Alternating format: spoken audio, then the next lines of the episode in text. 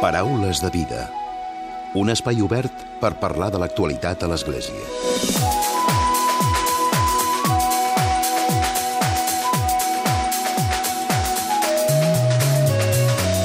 Què tal? Salutacions i molt bon dia, molt bon diumenge. Com ja és habitual, quan posem en marxa una nova temporada del programa, ens acompanya al Paraules de Vida l'arcabisbe d'Urgell i copríncep d'Andorra, Joan Enric Vives. Amb ell ens agrada traçar i valorar alguns dels aspectes que marquen i que marcaran l'actualitat dels propers mesos. El setembre és un mes en què tot comença de nou després de la pausa estival. Fa pocs dies hem celebrat la Diada Nacional de Catalunya l'11 de setembre i els bisbes catalans han tornat a demanar que les legítimes aspiracions del poble de Catalunya siguin reconegudes, que s'enforteixi el diàleg, la cohesió social, la concòrdia i el diàleg, com dèiem. Parlarem d'aquest aspecte, però també d'altres, com la festa de la Mare de Déu de Meritxell, que és sempre una data molt esperada pels fidels del bisbat. Enguany, Meritxell ha coincidit també amb una efemèride molt especial, les noces d'argent episcopals de Joan Enric Vives. Amb ell, Joan Enric Vives també ha enviat fa uns dies una carta d'agraïment al papa Francesc per la seva missió apostòlica. De seguida en parlem d'aquests i d'altres temes.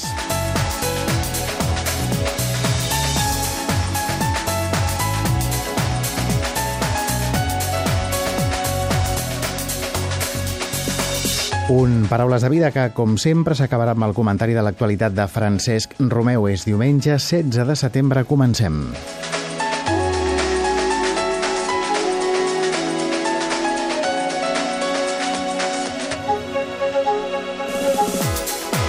Senyor Bisbe, bon dia i benvinguts novament al Paraules de Vida. Molt bon dia a tots. Avui hem dit, ho hem dit ara a la portada, aquesta setmana hem celebrat la Diada Nacional de Catalunya l'11 de setembre i els bisbes que novament també han pres eh, posició i també han dit el que pensen i sobretot parlen de concòrdia, de cohesió social i del foment del diàleg. Sí, diversos bisbes han coincidit amb les seves glosses, sobretot del diumenge anterior, o també potser amb algunes declaracions d'aquell mateix dia.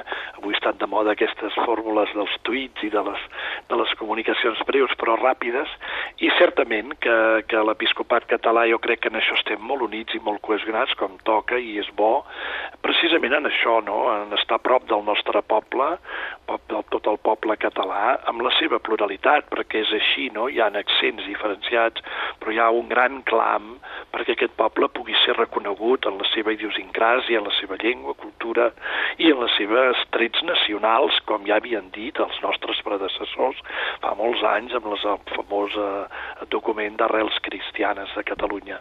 I bé, es tractaria doncs això, que entre tots i també amb el recolzament dels cristians en el que convingui dels bisbes que estem al davant de les deu diòcesis amb seu a Catalunya, doncs portem endavant aquesta, aquesta realitat. A mi precisament també com a copríncep d'Andorra, l'únic estat del món independent i lliure en aquest sentit, que té la llengua catalana com a única oficial, la gent a vegades no ho sap, és l'única oficial, l'únic que també el castellà i el francès es consideren llengües doncs, a comú ús, però aquí tot es fa a Andorra amb, amb la llengua catalana i la vam portar doncs, fa 25 anys perquè està coincidint amb els 25 anys també de la Constitució democràtica del Principat d'Andorra i el llavors president del, del Consell de Ministres, el, el, el cap de govern, el senyor Òscar Ribes, va ser el primer que va portar a l'ONU aquesta llengua i va parlar a l'Assemblea General de Nacions Unides en català. Uh -huh. Per tant, fites també importants per l'Església i pel país. Uh -huh. I ara, com dèiem, no, demanant aquest diàleg, no, que a vegades sembla que és una cosa molt elemental, però que en el món de la política no s'acaba de donar, oi?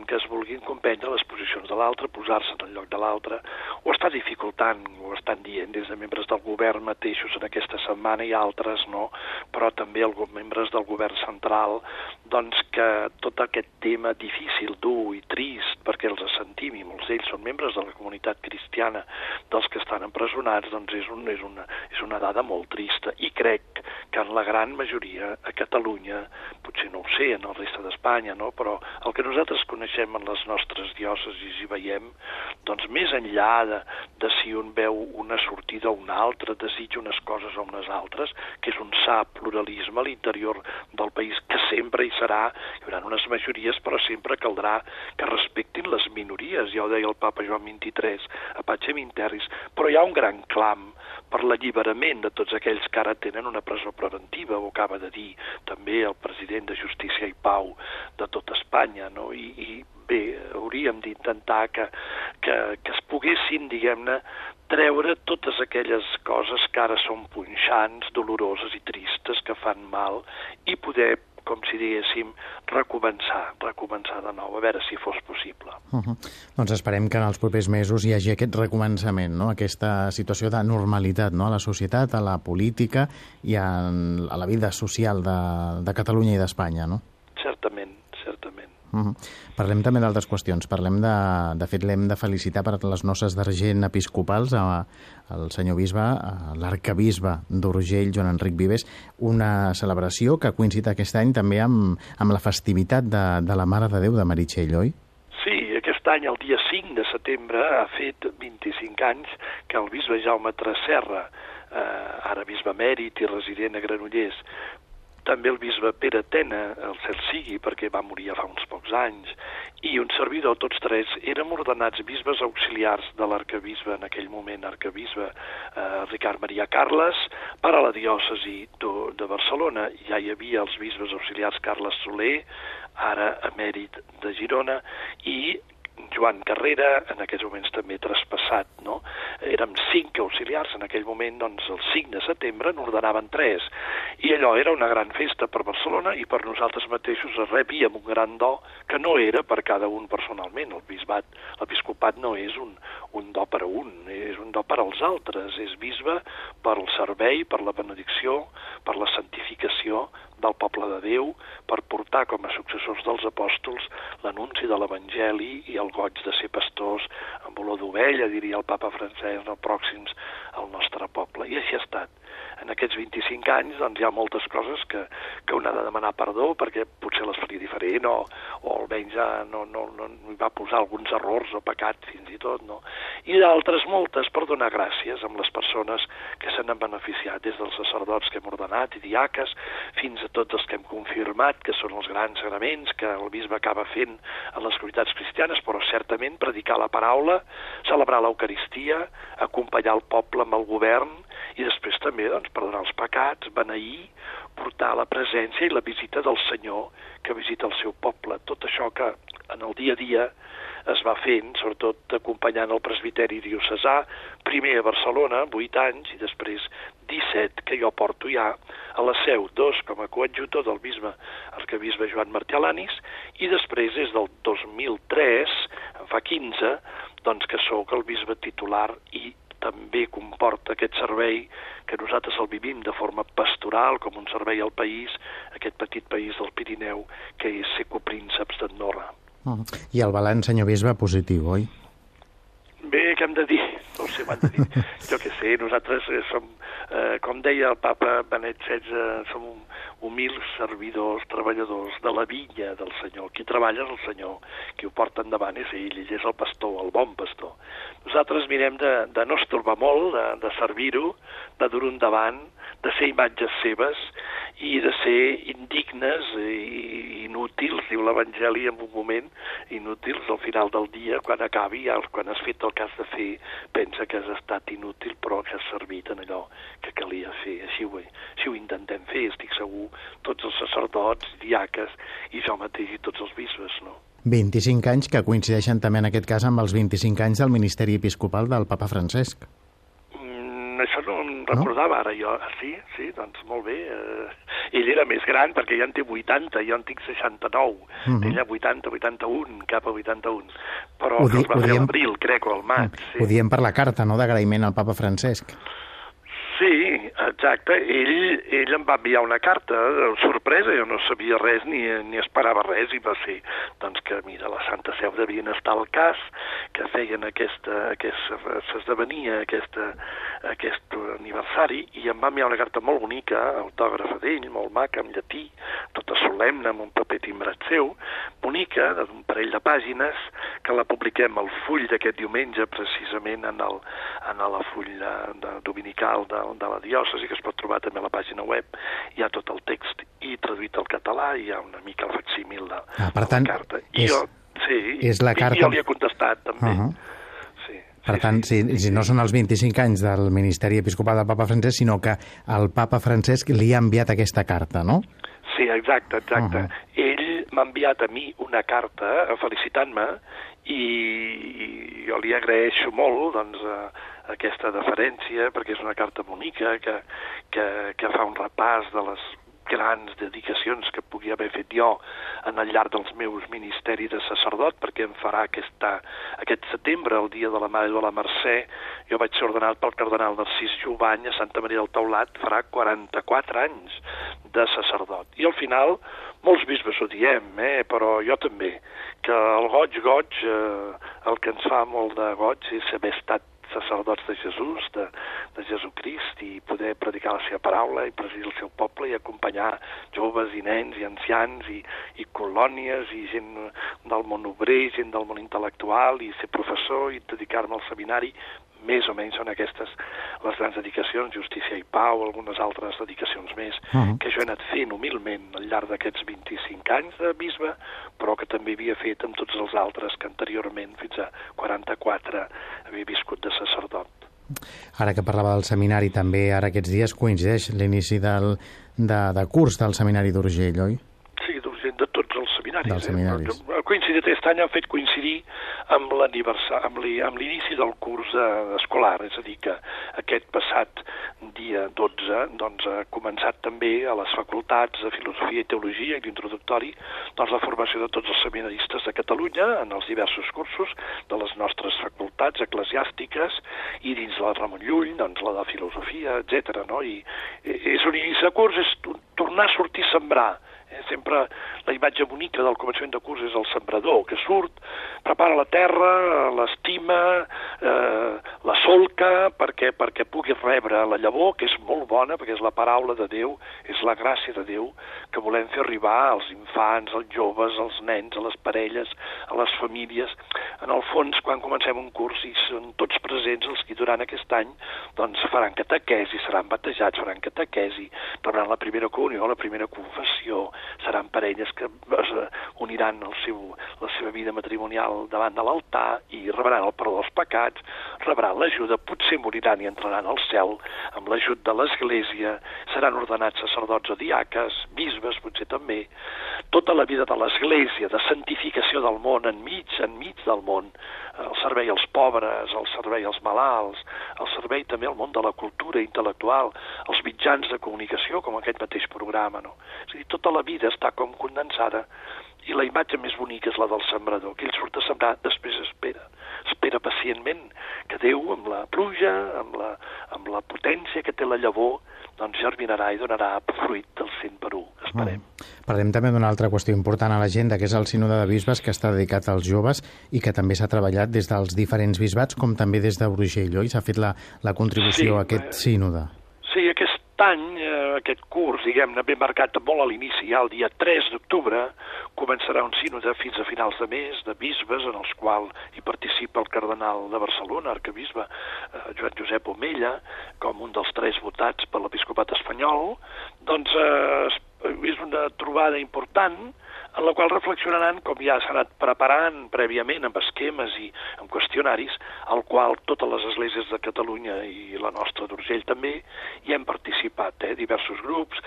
Ha costat una miqueta d'interessar molta més gent més enllà dels grups que són, diguem-ne, de, dels grups de parròquies i grups de moviments i grups de catequistes o grups de monitors o d'escoltes, etc. No?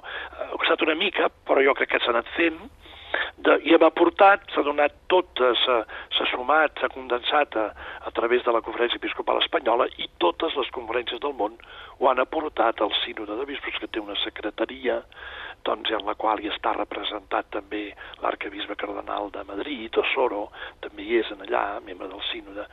Bé, i veurem, eh, estem a l'espera, hem de pregar per aquest sínode, el papa ens ho ha demanat, fem-ho perquè, perquè és molt important la presència d'una església jove enmig dels joves, perquè els joves, en les seves aspiracions i somnis, no es, veien, no es vegin decepcionats per, pels governs o per la política o per l'economia, per la manca de feina, per la manca de, de possibilitats de dur endavant els seus somnis. Uh -huh. Això és tot un camí vocacional, diguem-ne, humà, no? però després també perquè els joves puguin estar oberts a la veritat, que puguin trobar Jesucrist, que els farà feliços, no? com va fer feliços els apòstols, que eren gent jove del seu temps, i ell els va portar cap al regne de Déu. Doncs que també molt joves salvant els obstacles que a vegades poden haver-hi, no? de, de pecat, de dificultats, de llenguatges que s'han fet una mica obsolets, doncs hem d'aprendre a pensar més en clau juvenil mm. i totes aquestes coses noves que els joves reclamen. És aquesta mirada que de manera permanent també té l'Església cap, a, cap al món dels, dels joves. Senyor Bisbe, i abans d'acabar també parlem d'una efemèride important la dels 50 anys del Missal, que s'ha de fer en els propers mesos, no?, el 2019? Sí, aquest curs, potser jo diria d'un parell de coses, ja que tenim poc temps, que s'esdevindran en aquest curs. Precisament aquesta setmana hem sabut que el papa Francesc, al qual jo crec que els bisbes de Catalunya, a través de l'arcabisbe president, eh, Monsenyor Joan Jaume Pujol, però jo mateix també personalment i com a copríncep d'Andorra, hem mostrat la nostra comunió i el nostre suport en uns moments en què ha estat molt combatut precisament perquè semblava doncs, que l'acusen, no? que és una, és una excusa, és una acusació falsa i, i merescuda de que no ha actuat prou mm -hmm. amb alguns problemes del tema d'abús de, de menors o, o, o, o d'accions no adequades per part dels, dels clergues o per part de bisbes o d'algun cardenal. Això no és cert. El papa Francesc, també els seus predecessors, però certament ell és el que va a la capdavantera en aquest tema i, i ho fa. I aquesta setmana hem sabut que com a reacció, possiblement també, doncs de, de, amb els seus cardenals que l'ajuden més activament, ha decidit convocar pel mes de febrer, finals de febrer de l'any 2019 que ve, a tots els presidents de les conferències episcopals del món, per tant serà no un sínode però semblant, un per cada conferència, per tant el president, perquè reflexionin sobre el tema dels abusos, quines conversions, com podem fer i què podem fer de més encara, perquè certament les víctimes no es puguin sentir que no són ajudades, protegides, o fins i tot que els culpables campen i no reben la seva, el seu, la seva penalització en allò que convingui. Certament, no gratuïtament, no acusar gratuïtament i no fer-ho més gros de lo que és, perquè és un problema seriós que no només té l'Església, jo crec que tenim les famílies, la societat, la societat els no? profes, uh mhm. -huh. eh, tota la societat té, no? Bé, el papa, farà, per tant, farà aquesta, aquesta convocatòria, això marcarà també el sínode de joves, aquesta convocatòria del febrer, i també, com vostè deia, que el mes de març es cauran els 50 anys de que l'any doncs, 69 es va editar el missal de Pau VI, aquest sant que serà canonitzat el proper octubre, Sant Pau VI, que després de la reforma demanada pel Concili Vaticà II, ell va anar portant endavant el concili en el postconcili. I una de les, de les obres més importants que va venir a, diríem, a canviar, a suplir, a portar endavant la reforma, era el missal, la llei de la pregària eh, és la llei de la fe, l'ex orandi, l'ex credenti, diem en llatí, no? La llei, la, la, el, que, el que resem és el que creiem. Per tant, el missal, que després del leccionari és el llibre litúrgic més important perquè condensa totes les oracions i, i va fer unes, una obertura molt gran. Teníem una sola anàfora, un sol cànon, una sola pregària eucarística. N'hi han moltíssimes més ara, quatre primer, i després han anat venint altres. I així va anar polint molt i va, va donar-nos aquest missal que ben utilitzat, jo espero que sí, que els sacerdots i els responsables de parròquies i altres sabrem, commemorant els 50 anys del missal, doncs no només utilitzar-lo en català i en castellà, per dir-ho així, i en llatí, si convé, sinó, a més a més, explicar-lo amb unes explicacions, que, amb unes catequesis mistagògiques, que és una paraula rara, però que vol dir que és entrar a entendre allò que estàs dient, que allò que diuen els llavis ho pugui comprendre al màxim el cor i la ment i fer-s'ho seu en l'oració. No? Uh -huh. si això em marcarà, jo crec que això és important, i, i així estarem, no? I... fent un camí de, de tot un curs nou. I segurament tindrem oportunitat de parlar aquí al Paraules de Vida en els propers mesos, quan arribi el moment, quan arribi el mes de, de març. Senyor Bisbe, com sempre, gràcies per haver-nos acompanyat en aquest inici de, de temporada del Paraules de Vida i fins aviat. Aviat, una salutació ben cordial a tots els que ens escolten en aquestes hores tant de matí uh -huh. o bé a través d'internet posteriorment. Molt bé, molt bon dia, bon diumenge. Paraules de vida amb Emili Pacheco. I tot seguit arriba el comentari de l'actualitat de Francesc Romeu. Francesc, molt bon dia. Molt bon dia a tothom. El passat dimecres 5 de setembre va morir mossèn Josep Dalmau, a punt de complir els 92 anys, i el seu funeral es va celebrar el passat divendres 7 de setembre a l'església parroquial de Gallifa, que ell, amb molta dignitat, havia convertit en un santuari dedicat a la Mare de Déu de l'Ecologia. Mossèn Dalmau era un home amb una gran història sobre les seves espatlles. Com molt bé deia l'informatiu digital de Catalunya Religió, no hi va haver mobilització o protesta antifranquista on no estigués present ell, un dels capellans amb més connexions amb els moviments polítics i la resistència cultural del país, especialment amb les causes perdudes. Nascut a Sant Llorenç de Savall el 1926, va ser ordenat sacerdot al mateix poble el 1952 la seva implicació política i cultural va fer que el 1956 l'arcabisbe de Barcelona, després de passar per Sabadell i Vilanova i la Geltrú, l'exiliés als límits del bisbat, al castell de Gallifa, prop de la seva població natal. Aquests dies, un bon amic nostre, l'exdirector general d'Afers Religiosos de la Generalitat, Jordi López Camps, en el seu blog digital deia això – amb la mort d'en Josep Dalmau se'n va una part de la biografia de moltes persones. Molts som els que hem tingut la sort i el goig de conèixer i col·laborar amb alguna de les moltes causes que impulsar. En Josep fou un activista en estat pur.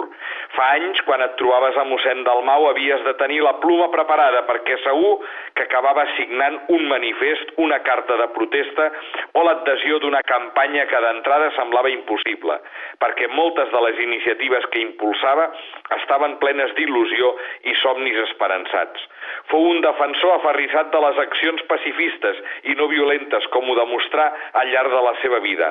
Amb el seu amic Lluís Maria Xirinacs van fer una vaga de fam a Santa Cecília de Montserrat per exigir la derogació del concordat entre l'estat espanyol i la Santa Seu. Segur que sabrien que no ho aconseguirien, però estaven convençuts que calia fer-ho. En Josep Dalmau fou un cristià compromès tal com ho foren molts capellans de la seva generació. Va lluitar per renovar l'Església i fer el seguiment de la causa de Jesús al nord de la seva vida. L'home d'idees profundes, meditades en un país gris, però il·luminades pel seu entusiasme. Sempre fou coherent amb les seves idees, no dubtà de promoure amb els seus amics capellans antifranquistes, Ricard Pedrals, mossèn Tutusaus i Jordi Llimona, una marxa de protesta per les tortures de l'estudiant comunista Joaquim Boix fou la coneguda manifestació de capellans per la Via Laietana. Mai s'havia vist tantes sotanes corrent perseguides per la policia franquista com aquell dia. Mossèn Dalmau animà molts i diversos activistes eclesials, polítics i socials. Coincidírem en el Consell de Redacció de la nova correspondència de diàleg eclesial, amb l'Alba Maduell, el Carles Flavià, en Joaquim Cervera i d'altres donant continuïtat a la revista endegada anys abans per l'Oleguer Bellavista. Varen ser uns anys de molts projectes i activitats entusiasmades per aixecar el to de l'Església diocesana que buscava trobar-se a si mateixa. En totes elles, tard o d'hora, apareixia mossèn Dalmau. En els meus anys juvenils, temps de lectures formatives intenses, alguns dels llibres de Josep Dalmau m'ajudaren a educar el meu esperit inquiet. Recordo amb satisfacció intel·lectual la lectura dels llibres Distensions cristiano-marxistes, Agonia de l'autoritarisme catòlic i els contrapunts al camí de l'Opus Dei en Josep Dalmau posà el seu activisme al servei de la recuperació de les llibertats de Catalunya i la construcció d'un estat català. Fou un activista per la independència quan això era una cosa de pocs i mantingué el seu compromís en una època on el catalanisme s'acomodava a la disciplina tranquil·la del peix al cova. Encara dec tenir enforat en algun lloc de casa el carnet d'identitat de l'estat català personalitzat que em donà el Josep. Foren també els anys de les comunitats de base, de les cèl·lules de la renovació eclesial d'aquell temps. En Josep Dalmau animà a cercar la plenitud de la fe a través de la renovació de la gràcia i la fidelitat al servei del poble català.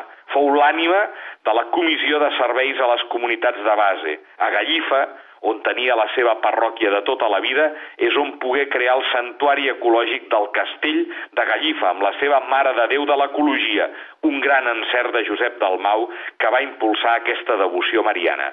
Molt bon diumenge a tothom.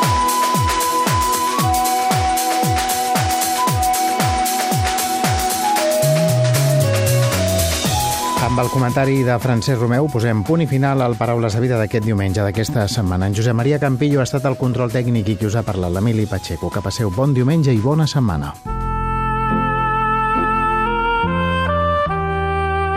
Us oferim la carta dominical de l'arcabisbe de Barcelona, Joan Josep Omella.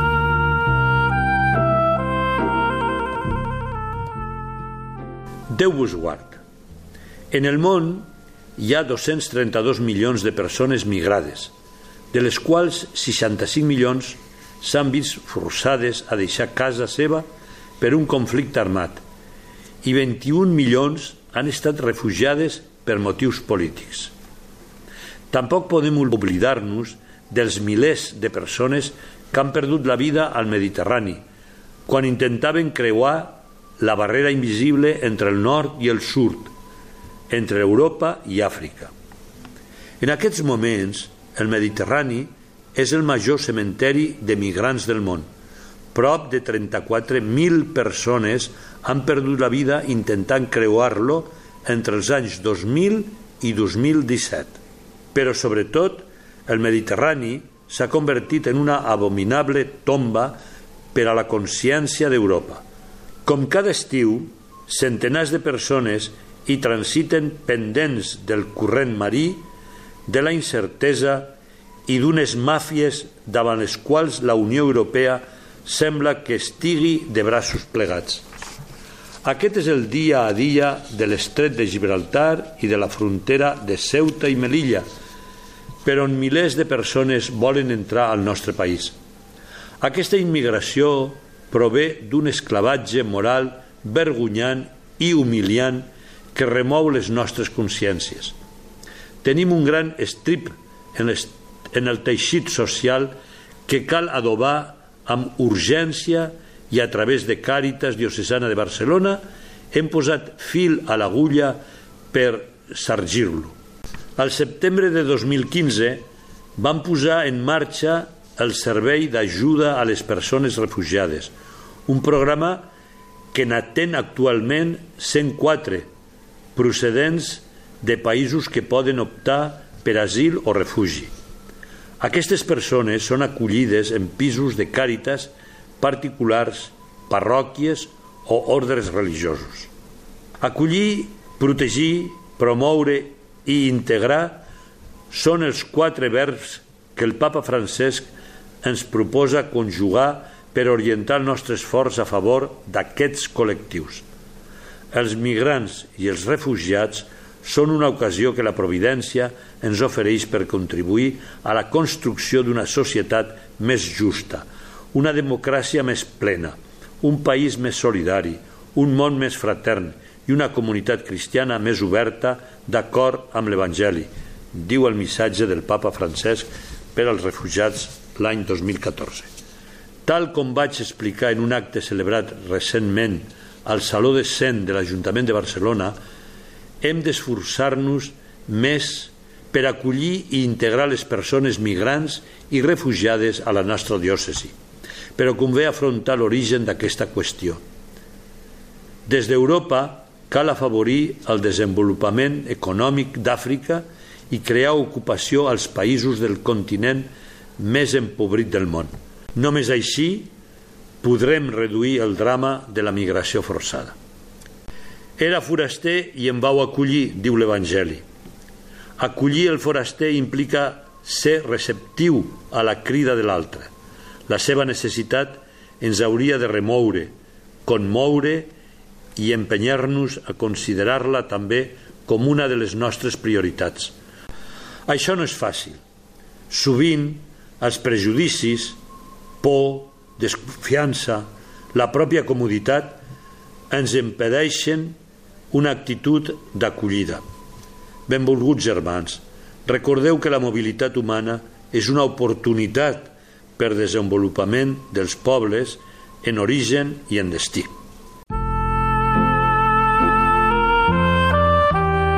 Us hem ofert la carta dominical de l'arcabisbe de Barcelona, Joan Josep Omella.